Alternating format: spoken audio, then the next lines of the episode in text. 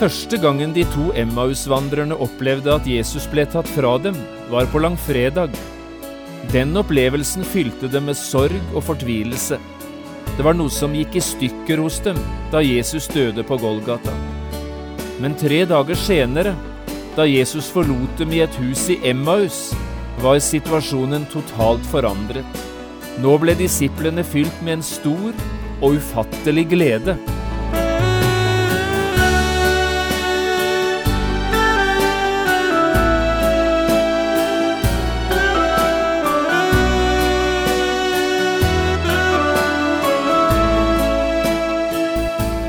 Hjertelig velkommen til et nytt program i serien Vindu mot livet. Programmet er produsert av Kristen Riksradio og blir ledet av Jon Hardang. Kristen Riksradio drives av frivillige gaver. Vi er glade for din støtte.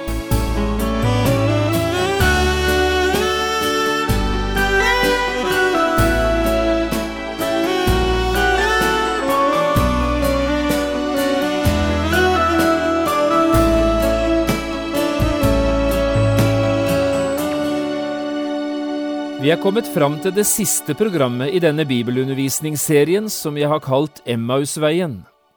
Dette er en serie med tilknytning til påske, og vi har i løpet av tolv program lest historien om de to Emmausvandrerne.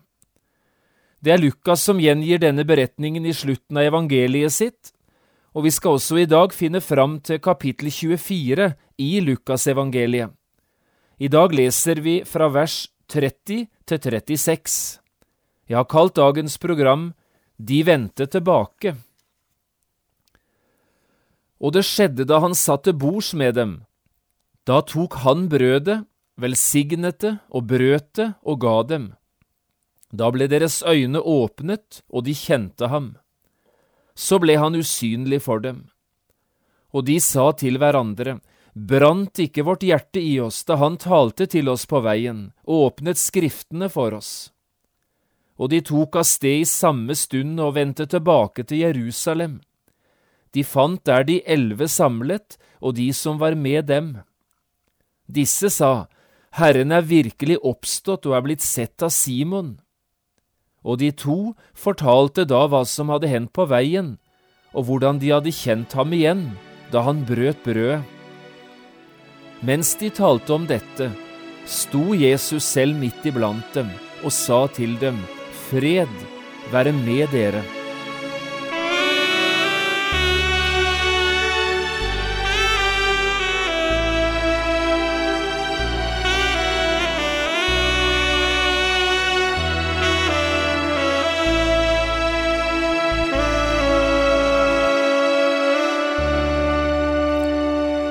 De tok av sted i samme stund og vendte tilbake til Jerusalem. Slik sto det her om de to Emmaus-vandrerne i det bibelavsnittet vi nettopp leste sammen. De vendte tilbake. Tre ganger i dette siste kapittelet hos Lukas er nøyaktig de samme ordene brukt. De vendte tilbake. Og alle tre gangene er det sagt om mennesker som da de vendte tilbake, var totalt forandret i forhold til hvordan de hadde vært da de kom. Hør på dette. Første gangen står det om kvinnene som kom til Jesu grav, tidlig om morgenen den første dag i uken. De hadde kommet til graven i sorg og sjokk, med smerte og fortvilelse. Men møtet med den tomme graven og to engler som hadde snakket med dem om Jesu oppstandelse, det hadde forandret situasjonen fullstendig. De løp fra graven med hjerter som var fylt av både forvirring og håp og da de kom tilbake fra graven, står det, fortalte de alt dette til de elleve og alle de andre. De vendte tilbake. Den tredje gangen, i slutten av kapittelet, da møter vi det i forbindelse med det som skjedde på Kristi himmelfartsdag. Det har nå gått 40 dager siden Jesus sto opp fra de døde, og de tolv disiplene har møtt den oppstandende flere ganger. Nå førte Jesus dem ut av byen, står det, helt ut til Oljeberget. Og mens de sto der sammen med Jesus, fikk de plutselig se at han ble tatt fra dem, like opp til himmelen. Det var akkurat som om usynlige hender løftet han opp. og der sto de og stirret på Jesus, helt til en sky tok han bort fra øynene deres. Og så står det, og de falt ned og tilba ham og vendte tilbake til Jerusalem med stor glede. Og de var alltid i tempelet og lovet og priste Gud. Første gangen Jesus var blitt tatt fra dem, var på selve langfredag. Den opplevelsen hadde fylt hjertene med en ubeskrivelig sorg og fortvilelse. Det var som noe verdifullt hadde gått fullstendig i stykker. Det var noe som døde i disiplenes hjerter, samtidig med at Jesus døde på Golgata. Men nå var alt annerledes. Når Jesus nå ble tatt fra dem, 40 dager senere, var det som en ubeskrivelig glede fylte hjertene. Riktignok hadde de mistet Jesus, men det var likevel som om de ikke hadde mistet han. Det hadde skjedd en utrolig forandring da de vendte tilbake. Og så er det altså det samme uttrykket som brukes, også om de to disiplene som gikk til Emmaus. Også dette skjedde på første påskedag, et stykke ut på ettermiddagen. De hadde forlatt Jerusalem, ikke sant, en gang på formiddagen, med skuffede og nedbrutte hjerter. Men så hadde de altså møtt denne fremmede, en mann som begynte å forklare for dem, ut fra skriftene i Det gamle testamentet, at Guds Messias både skulle lide og dø, men også stå opp igjen på den tredje dagen. Og det hadde blitt en helt utrolig spasertur. Det var som om den fremmede hadde tatt det med helt inn i soloppgangen, og smått om senn begynte tingene å demre for dem. Og så så de det, plutselig, helt klart, dette med Messias. Og som om ikke det var nok, de hadde jo invitert denne fremmede inn, og da de spiste sammen, så oppdaget de plutselig hvem den fremmede var. Det var jo Jesus selv, det var den oppstandende Jesus og de tok av sted i samme stund og vendte tilbake til Jerusalem. Ganske annerledes var de når de vendte tilbake fra Emmaus, enn de hadde vært noen timer tidligere, da de dro til byen. De vendte tilbake. La oss nå i dette siste programmet stille noen enkle, men viktige spørsmål. Hva var det egentlig som skjedde med de to disiplene? Hva er forklaringene på den enorme forandringen som fant sted i de to Emmaus-vandrernes liv? Jo, slike spørsmål kan vi finne svar på i det bibelavsnittet vi nettopp leste sammen. Og la meg nå få lov å løfte fram tre–fire grunner til den enorme oppstandelsesgleden som nå fylte de to disiplenes hjerter. Fire helt konkrete ting som også du og jeg kan få glede oss over, vi som i dag vil være Jesu disipler og etterfølgere. Det første vi legger merke til, er dette. De vendte tilbake med en åpnet bibel. Han begynte fra Moses, står det i denne historien, og fra alle profetene, og utla for dem i alle skriftene det som var skrevet om han og litt senere i kapitlet står det slik, da åpnet han deres forstand så de kunne forstå Skriftene. De forsto Skriftene. Slik hadde det sannelig ikke alltid vært. Ofte hadde disiplene hatt store problemer med å forstå det som sto skrevet. Flere ganger hadde Jesus prøvd å forklare Guds frelsesplan for dem, slik den sto beskrevet i Guds ord men det hadde aldri gått helt inn hos disiplene, det Jesus talte om. Og da Jesus så døde, ja, så gikk det helt galt. De forsto ingenting. Men så kom forandringen. Jesus rørte ved deres forstand, og plutselig var det som det gikk et lys opp for dem. Slik var det jo, nå så de det, ting de tidligere aldri helt hadde forstått, og så vendte de tilbake med en åpnet bibel. I en av bøkene sine forteller Ludvig Hope om et møte som han deltok på et sted borte i Sverige.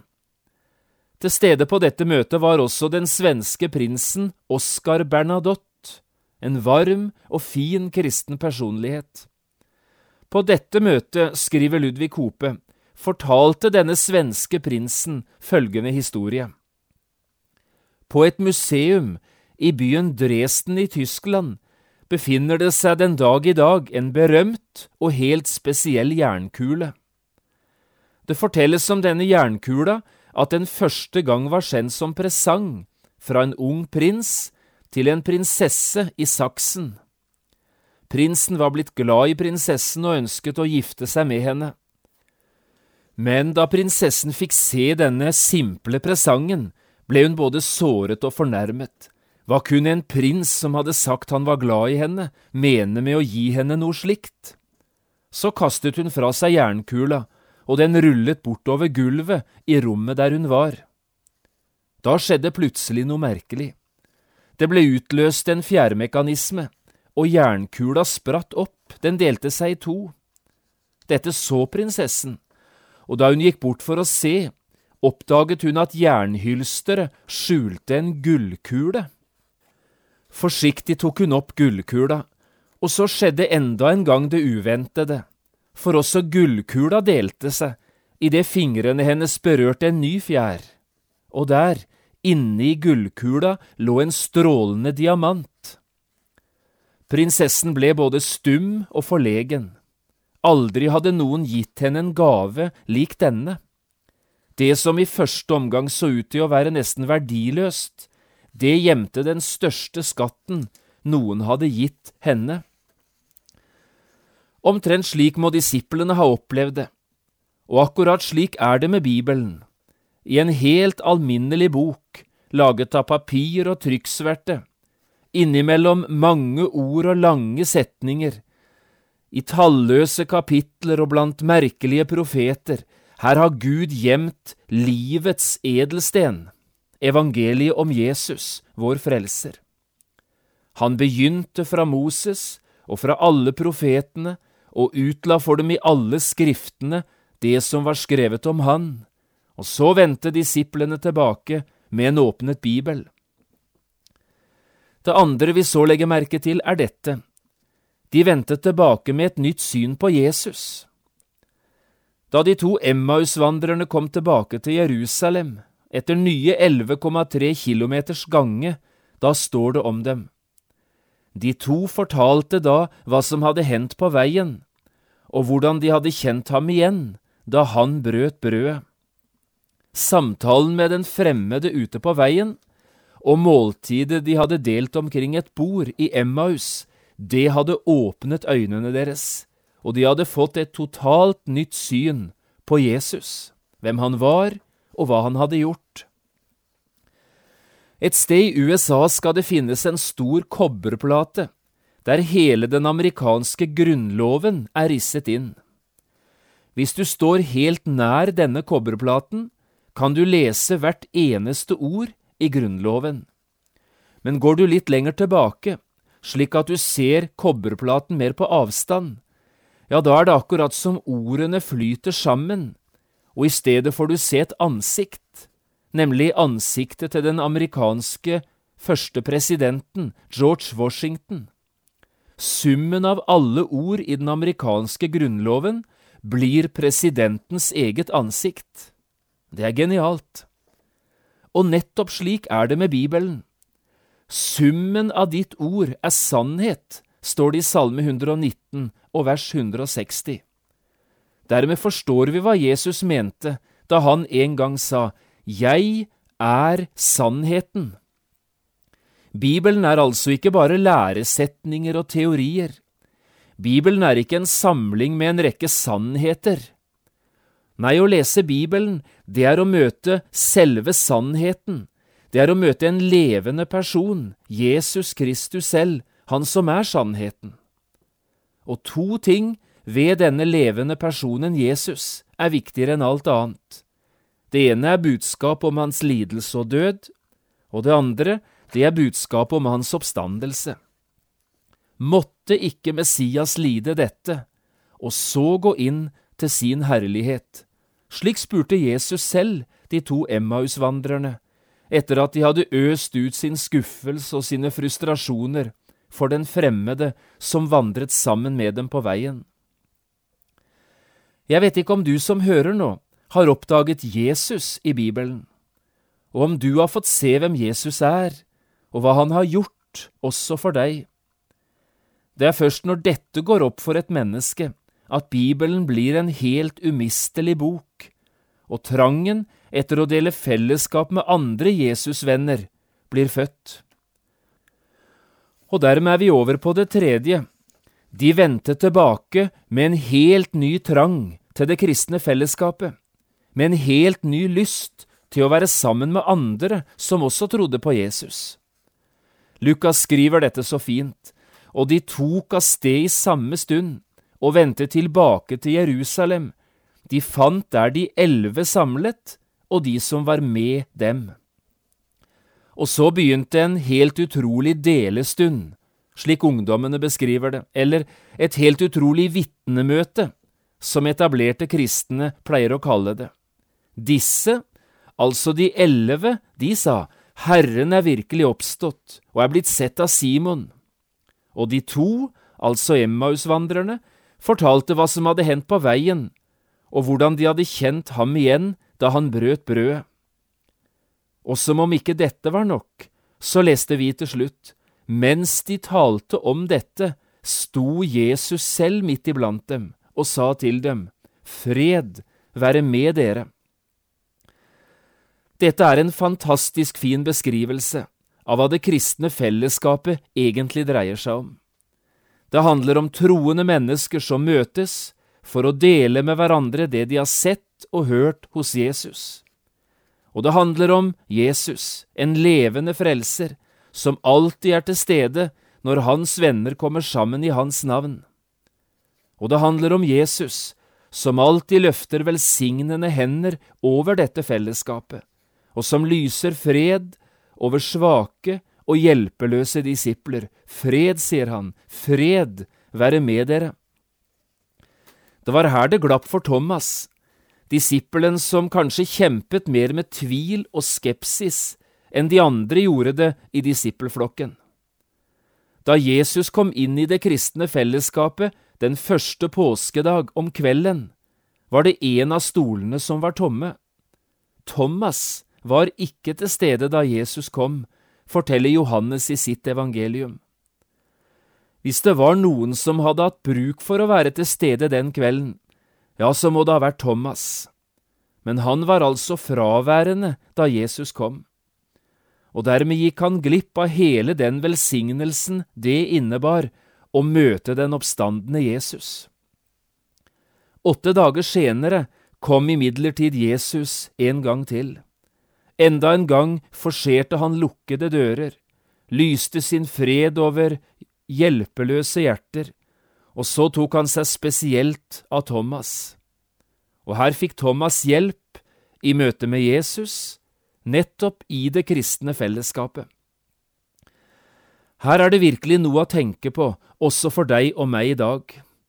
Så mye vi kunne ha unngått, både av tvil og usikkerhet og bekymringer, om vi bare hadde vært litt mer trofaste og litt mer til stede i det kristne fellesskapet. Men altfor ofte står våre stoler tomme, og når Jesus kommer, den korsfestede og oppstandende Jesus, ja, så glipper det også for oss.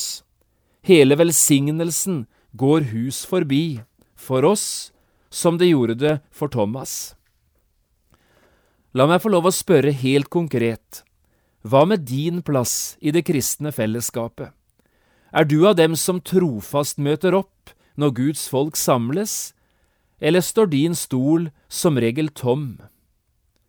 Hvis du er av dem som lengter etter et mer brennende hjerte, og litt mer av kraft og frimodighet til livet ditt og til tjenesten, ja, så er dette en av de store hemmelighetene. Vær trofast, finn din plass i et kristent fellesskap. Og så det fjerde og siste. De vendte tilbake til en stor og rik tjenestegjerning. Jesus er krystallklar første påskedag når det gjelder hva han ønsker at disiplene skal bruke tiden på etter at han nå blir tatt fra dem. Slik setter Jesus selv ord på det når han er sammen med Emmausvandrerne og de tolv denne kvelden. Og han sa til dem, så står skrevet, at Messias måtte lide og oppstå fra de døde den tredje dag, og at i hans navn skal omvendelse og syndernes forlatelse forkynnes for alle folkeslag, fra Jerusalem av. Dere er vitner om dette. Slik sier altså Jesus det her. Det er en enorm oppgave han pålegger sine venner, å bringe evangeliet om Jesus til jordens ender, sørge for at alle folkeslag får høre budskapet om Guds store frelsesverk. Tolv alminnelige disipler fikk første gang beskjed om å gjøre den jobben. De kunne vel ha mistet motet av mindre, og vi ville ha forstått det om disiplene hadde stivnet i forskrekkelse og avmakt og redsel. Men så står det altså i stedet de vendte tilbake til Jerusalem i stor glede. Begynn i Jerusalem, sa Jesus, start hjemme, begynn i nabolaget, i din egen by, og fortell til de mennesker du omgås om det du har sett og hørt. Du kommer ganske sikkert til å havne i vanskelige situasjoner, og du vil helt sikkert tape viktige diskusjoner. Men det er noe som er viktigere enn å vinne diskusjoner, det er å vinne mennesker. Og kanskje kan du, samtidig med at du taper en diskusjon, likevel vinne et menneske. Gå av sted, sa Jesus, jeg skal være med dere. Denne befalingen har Jesus senere aldri trukket tilbake. Det store oppdraget er uforandret. Hva er din reaksjon på denne ordren? Hva reagerer du med når det gjelder det Jesus her sier? Emmausvandrerne, de gikk, og de tolv disiplene gikk, de aller fleste av dem til og med i døden, for å fullføre det oppdraget Jesus hadde gitt dem. Nå er det ikke sikkert det vil bli krevd det samme av oss, men at det vil koste også i dag for den som vil være lydig mot Jesu ord, det er sikkert. Likevel skal du og jeg gå i lydighet mot det Jesus her sier. Emmausveien er nemlig ikke bare veien inn i Guds ord og inn i evangeliet om Jesu frelse. Emmausveien er også veien ut veien av sted til de mange som enda ikke tror, simpelthen fordi de enda ikke har hørt. De vendte tilbake, sto det altså om Emmausvandrerne her. Det er den store utfordringen, også for deg og meg som lever i dag.